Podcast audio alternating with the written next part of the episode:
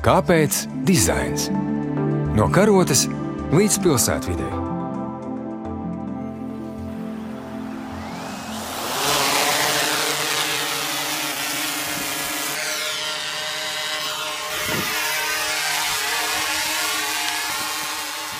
Drons. Nevelti tulkojumā no angļu valodas tā ir dūkoņi.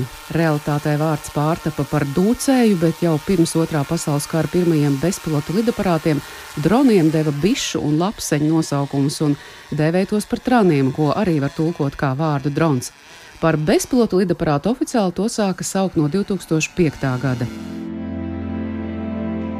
Bezpilota lidaparāts bez apkalpes uz tā borta vai drons mūsdienās šajā laikā bieži parādās ziņu virsrakstos, kā dāvinājums Ukraiņiem cīņā par savu zemi, cits veids, kā uzvarēt, apsteigt pretinieku. Tāpat tos varam uzlūkot kā palīgu daudzām aktivitātēm, kurās cilvēku klātbūtne ir neiespējama, vai arī drons noteikti uzdevumu paveic ātrāk un arī iespējams lētāk. Un šajos virsrakstos parādās arī Latvijas vārds. Šeit no radio studijas jūs uzrunāja Ilza Dobele, un šeit arī tiekos ar divu uzņēmumu pārstāvjiem. Atlas Dynamics galveno dizaineru Arturu Neitālu. Atlas Dynamics uzņēmuma droni Ukrainā nonāca pēc ziedojuma kampaņas Turcijas Bairaktar vietā, un Nauris Broks, vadošais mehānikas inženieris uzņēmumā Edge Autonomy, un uzņēmums ir paziņojis par darījumu ASV aizsardzības departamentam, kas paredz ASV bruņoto spēku vajadzībām saržot neatklātu skaitu kompānijas Penguin sērijas bezpilotu lidaparātu fotoaparātu, un tie ir īpaši novērtēti pateicoties to spējai nest izlūkošanas vajadzībām piemērotu aprīkojumu. Labrīt, šajā rītā! Labrīt, labrīt. Kāds ukraiņu karavīrs ir teicis, ka droni ir kā acis militāru personām, un es mūsu sarunu vēlētos sākt vairāk ar šo aspektu, tāpēc ka šobrīd lielākā sabiedrības daļa visticamāk dronus saista tieši ar kaujas spējām, ar to palīdzību Ukraiņiem cīņā par brīvību un par neatkarību. Un, tātad Krievijas īstenotajā karā Latvija ir sniegusi savu atbalstu ar mūsu pašu šeit Latvijā ražotiem droniem. Vai jūs varat atklāt, ko droni armijā paveic? Vai tas, ko mēs redzam dažādos video, kā tas notiek, atbilst arī realitātei, vai, protams, ir kaut kāda daļa, kuru mēs nezinām un kura netiek rādīta? Tas, ko mēs redzam tīklos, ir diezgan akurāti. Ir arī lietas, kuras, protams, nerāda jaunākas tendences, bet es domāju, ir diezgan aktuāli. Un galvenais mērķis ir ievākt informāciju.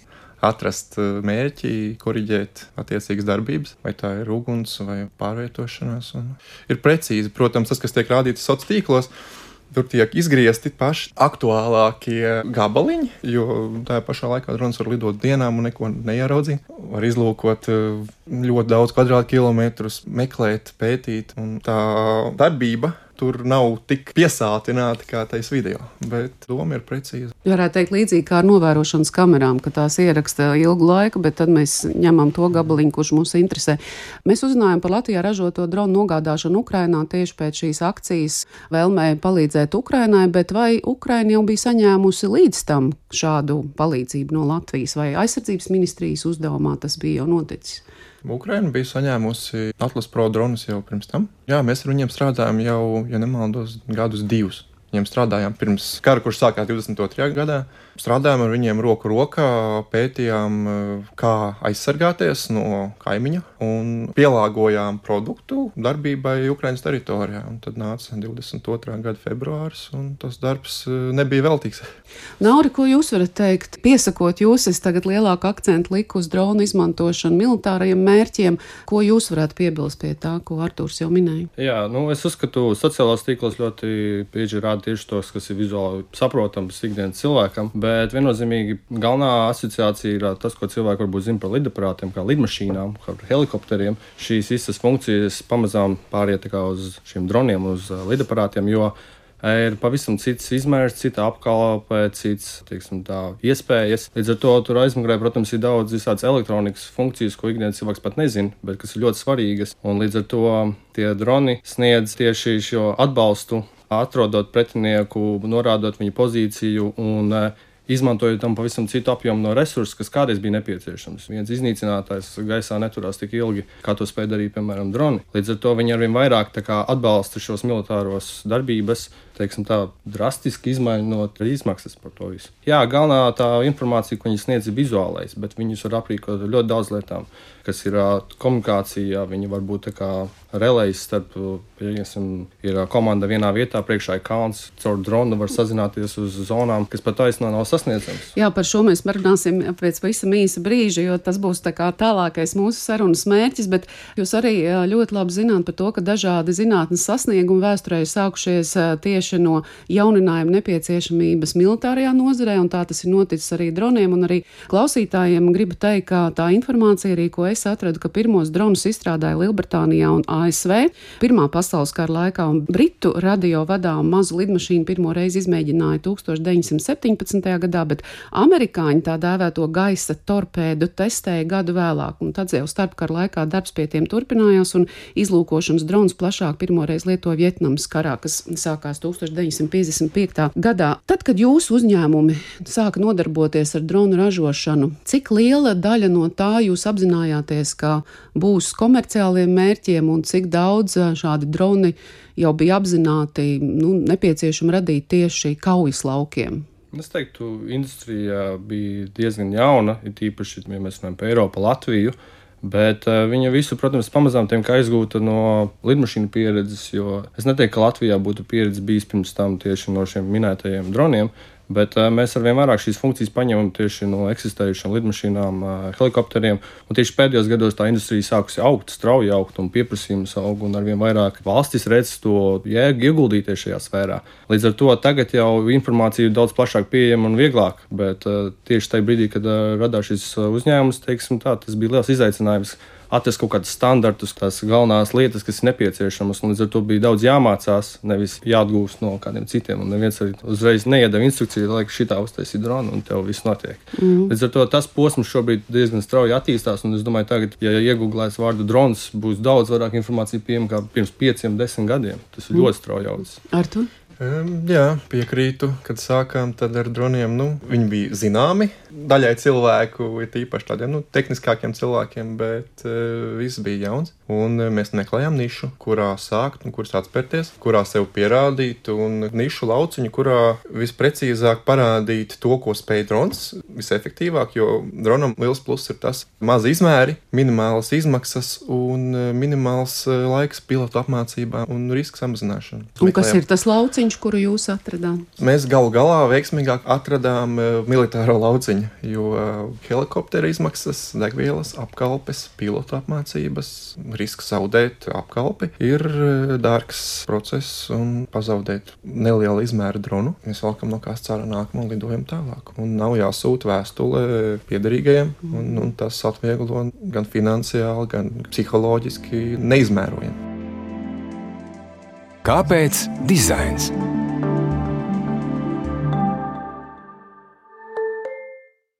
Pēc um, Lursofta informācijas šobrīd ir 14 uzņēmumi, kuri tā vai citādi strādā ar dronu ražošanu. Izskatās, ka jums pašiem tas ir pārsteigums, bet vēl pirms uh, diviem gadiem tie apmēram bija desmit. Un uh, ir skaidrs, ka ir uzņēmumi, kurus saliek dronu no noteiktām detaļām, bet ir uzņēmumi, kuri ražo to pilnībā, nu teju 100% ar visu IT, informatīvo daļu un, protams, arī ar visiem korpusiem. Jūsu abu uzņēmumi ir tie, kuri vairāk ražo teju visu, kā es saprotu. Nu, tad lūdzu izstāstiet, kāds ir dizainera darbs, kas ir tas svarīgākais, kas ir jāpaveic, lai drons konkrēto uzdevumu pildītu.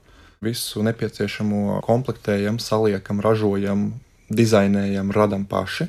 Tas, ko mēs iegūstam, iepērkam no citām valstīm, ir komponentes kā baterijas, motori, kameru lēcas, sensori, kurus neražo Latvijā, Baltijā vai liela daļa pat Eiropā, bet visu mēs saliekam kopā šeit, Latvijā. Tā kā nu, darām tik, cik vien varam šeit uz vietas. Ja Latvija ražot arī baterijas, ļoti iespējams arī tās ražot šeit un būtu vienkāršāk. Labi, bet, nu, par aprīkošanu pēc tam nav arī kā jums. Jā, mums īstenībā tas pats ir komponents, kurus vienkārši nav jēga pašiem ražot, jo tas ir ļoti dažu centu materiāls. Ir lietas, ko mēs nespējam Latvijā Latvijā ražot. Tīpaši tas ir, ja mēs runājam par elektrokomponentām vai minētajām lēcām. Jā, mēs darām maksimāli šeit, un arī mērķis ir īstenībā, kā mēs redzam, kā situācijas mainās, lai šīs komponents būtu pēc iespējas pieejamāks. Ja kaut kādu mēslu mēs ražojam kaut kur citur un pēkšņi mums mainās apstākļi, mēs šo mēslu nedabūjam, mums var apstāties ražošana. Ļoti kritiski ir maksimāli turēt pie sevis.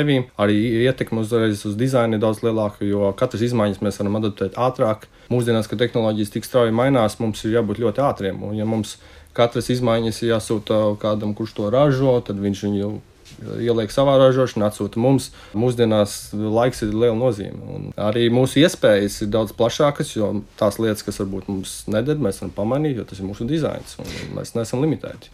Ar ko jūs aprīkojat šos dronus? Cik dažādi ir nepieciešamība tiem pievienot papildu komponentus?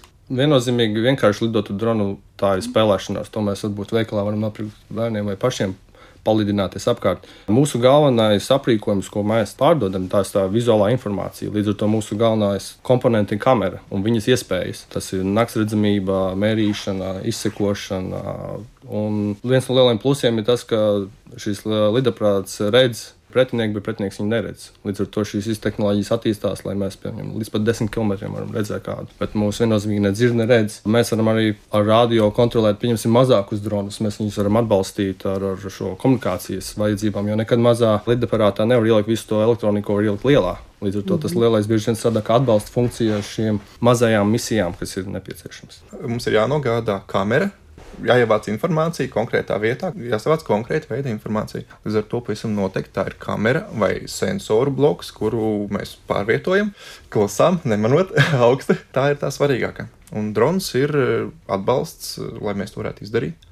Bet, protams, miedarbībai jābūt, visam ir jāstrādā sabalansēti, jo ir jābūt pietiekami mazam svaram, lai lidaparāts gaisā varētu nolidot pietiekami ilgi. Viņam ir jābūt klusam, viegli lietojamam, kas ir liels, liels faktors. Tas viss strādā kopā. Tādu patiešām mazu nesvarīgu detaļu tajā nav. Jo beig beigās tā ir aviācija, drošība. Jo, ja kaut kas nenostrādā, iekārta var krist, nu tad mm. zaudējumi ir vērā ņemami.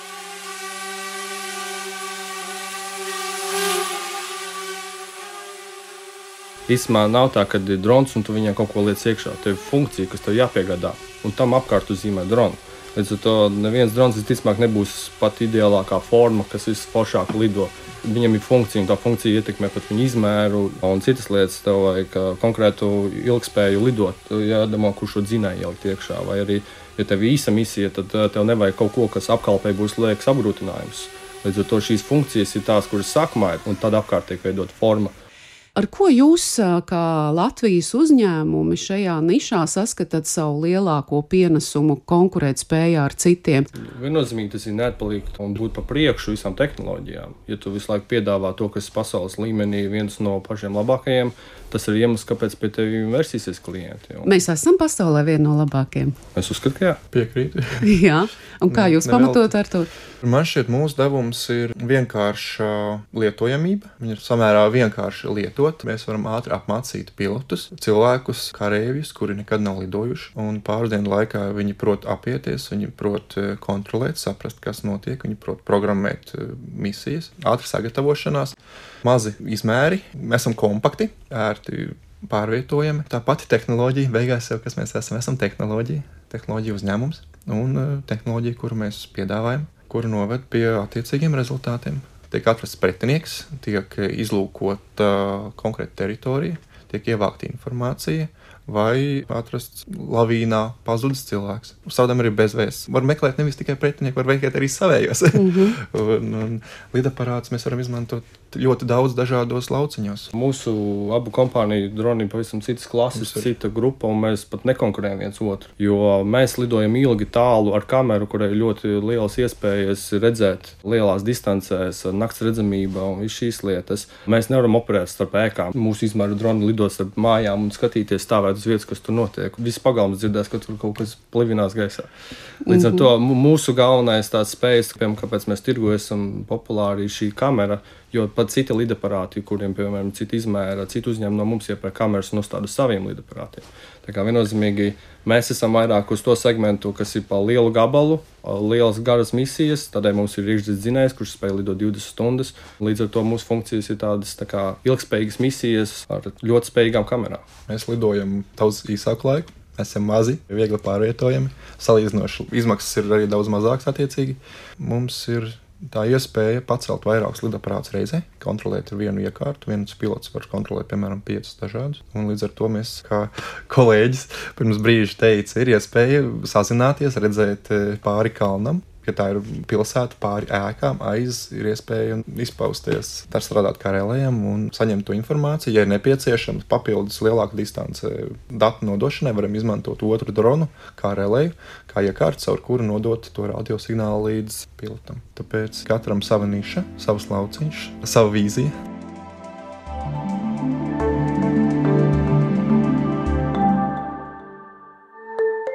Par iespējamo nākotnes attīstību dronu industrijā, kur vairāk varbūt būtu saistīta ar um, navigāciju, piegādēm, gaisa transportu, kas uh, vēl ir, varētu teikt, tāda tuvākā nākotne, jo, kā es saprotu, tad Eiropas Savienības direktīvas būs tieši tās, kuras noteiks kādā veidā un cik daudz ļaut tādiem droniem pilsētā pacelties citu mērķu dēļ, jo, protams, pirmais jautājums ir drošība, un kā es arī runāju ar Latvijas drona asociāciju, asociācijas pārstāvi, tad uh, palaist šo procesu būtu ļoti vienkārši. Būtu jautājums, kā pēc tam to savaldīt. Tāpēc neviens vēl pagaidām nevar saprast, kādas šīs direktīvas precīzi noteikt. Un, ja mēs sākām ar to, ka Lielbritānija bija pirmā vieta, kur tomēr mēs varam nosacīt, ka vēsturiski drons aizsākās tur, tad mums būtu jāatgriežas atpakaļ pie Lielbritānijas, jo noteikti jūs arī zinat, ka pagājušā gada aprīlī Coventrijā Lielbritānija atklāja pasaulē pirmo lidostu bezpilotu lidaprātiem un gaisa taksometriem, un tā privātā publiskā partnerība partnerībā ir tapis projekts, lai parādītu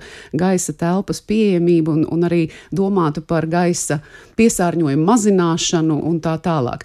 Kā jūs redzat, kur tālāk tuvākā nākotnē drons būs mūsu vidū, vai tā tomēr paliks tāda specifiska nozara niša, kā piemēram šobrīd, es saprotu, lauksaimnieki ļoti daudz izmanto dronus saviem mērķiem, nu militāro industriju mēs pārunājām, dažādi glābšanas darbi, drošība, novērošana, navigācija, tā tālāk, bet vai jūs saredzat, ka drons varētu kļūt par tādu rīku, kas ir arī mūsdienās kaut kur mums tuvākā gaisa telpā, un ja jā, tad ar kādiem uzdevumiem?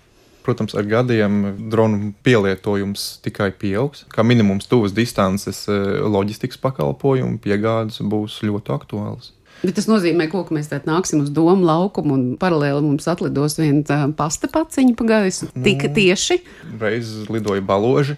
Nu, Jūs domājat, pasta baloži? Var pasta baloži, jā. jā, jā nu, var lidot arī pasta droni. Jo arī mūsdienās ir starp uzņēmumiem, tīpaši pilsētā, ļoti jūtams tas pats kurjers, kurš minas, brauc ar busu, nopārkojas, kur nevajag. Un viņi rada papildus slodzi ielām visai mūsu ikdienas infrastruktūrai. Un, ja mēs to nelielo paciņu varam nogādāt eh, no punkta līdz punktam, salīdzinoši, piemēram, starp pakumātiem ar drona palīdzību, ja mēs varētu to dronu radīt arī tādu, viņš būtu pietiekami kluss, lai netraucētu naktas vidū, kāpēc gan ne, kāpēc neatslogot to ikdienu. Mums ir mazāk eh, CO2 izmešu, mazāk iekšzemes dzinēju. Uz to vajadzētu iet, bet tas ir jāregulē, lai lidaparāts nekādā gadījumā nenokristu kādam uz galvas, uz privāta īpašuma, jo tāda bojājuma būs ļoti liela. Man šķiet, ka vislielākā izaugsme, kas mūs gaidīs nākotnē, tā būs lielā mērā militārā un arī industrijā, būs tieši autonoms drons kurš redzēs, sapratīs, kas notiek, redzēs, kas apkārt notiek un varēs lemt. Bet uh, tur atkal nāk iekšā daudz jautājumu par cik tas ir ētiski, kad pieņem cilvēks lēmumu, kad pieņem tehnika lēmumu, bet izvairīties no tā, es domāju, būs grūti. Nori. Es domāju, ka viennozīmīgi viņi būs ar vien vairāk un vairāk. Viennozīmīgi drošība ir tas iemesls, kāpēc tas nenotiek pārāk strauji, jo aviācija vienmēr adaptējas ļoti uzmanīgi, lēnām, kā jau minējāt, lai nebūtu hauss. Līdz ar to tiek attīstītas šīs sistēmas, lai nodrošinātu šo drošību, jo kaut kas aiziet ne pēc plāna, kāds ir plāns B, lai vēl joprojām nav nekādas katastrofas.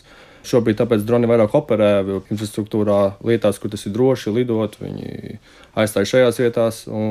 Ir valsts, kas jau atslogo tieši šo minēto ceļu satiksmi ar droniem, jo viņiem ir konkrētajā pilsētā ceļi pārslogoti, viņi ieguldās tieši drona industrijā, lai viņi veic šīs piegādes un atslogot ceļus. Tas jau notiek pasaulē. Un es domāju, tas ir tikai laika jautājums, kad arī cilvēki pieradīs pie tā. Jo man liekas, pat aviācijā bieži vien pilots ir lidmašīnā tikai tāpēc, lai cilvēks justos drošāk, bet nevis to, ka pilots tur kaut ko darītu. Arvien vairāk lietas tieši sistēmas pārņem, jo viņas īstenībā ir gudrākas, ātrākas, efektīvākas arī ir lidmašīnas, kuras limitētas tieši dēļ cilvēka. Ja tu nebūtu iekšā cilvēks, šī lidmašīna varētu izdarīt vēl vairāk. Labi, paldies jums par sarunu un paldies arī par um, interesantu skaidrojumu un uh, veiksmi jūsu plānos. Studijā šajā rītā sarunājos ar Atlas Dynamics galveno dizaineru Artūru Neitālu un Edge autonomiju vadošo mehānikas inženieri Nauru Broku. Raidījums skaņu montē Judīta Bērziņa, jūs uzrunāja Ilis Dobele. Klausieties mūs arī populārākajās podkāstu aplikācijās. Uz tikšanos!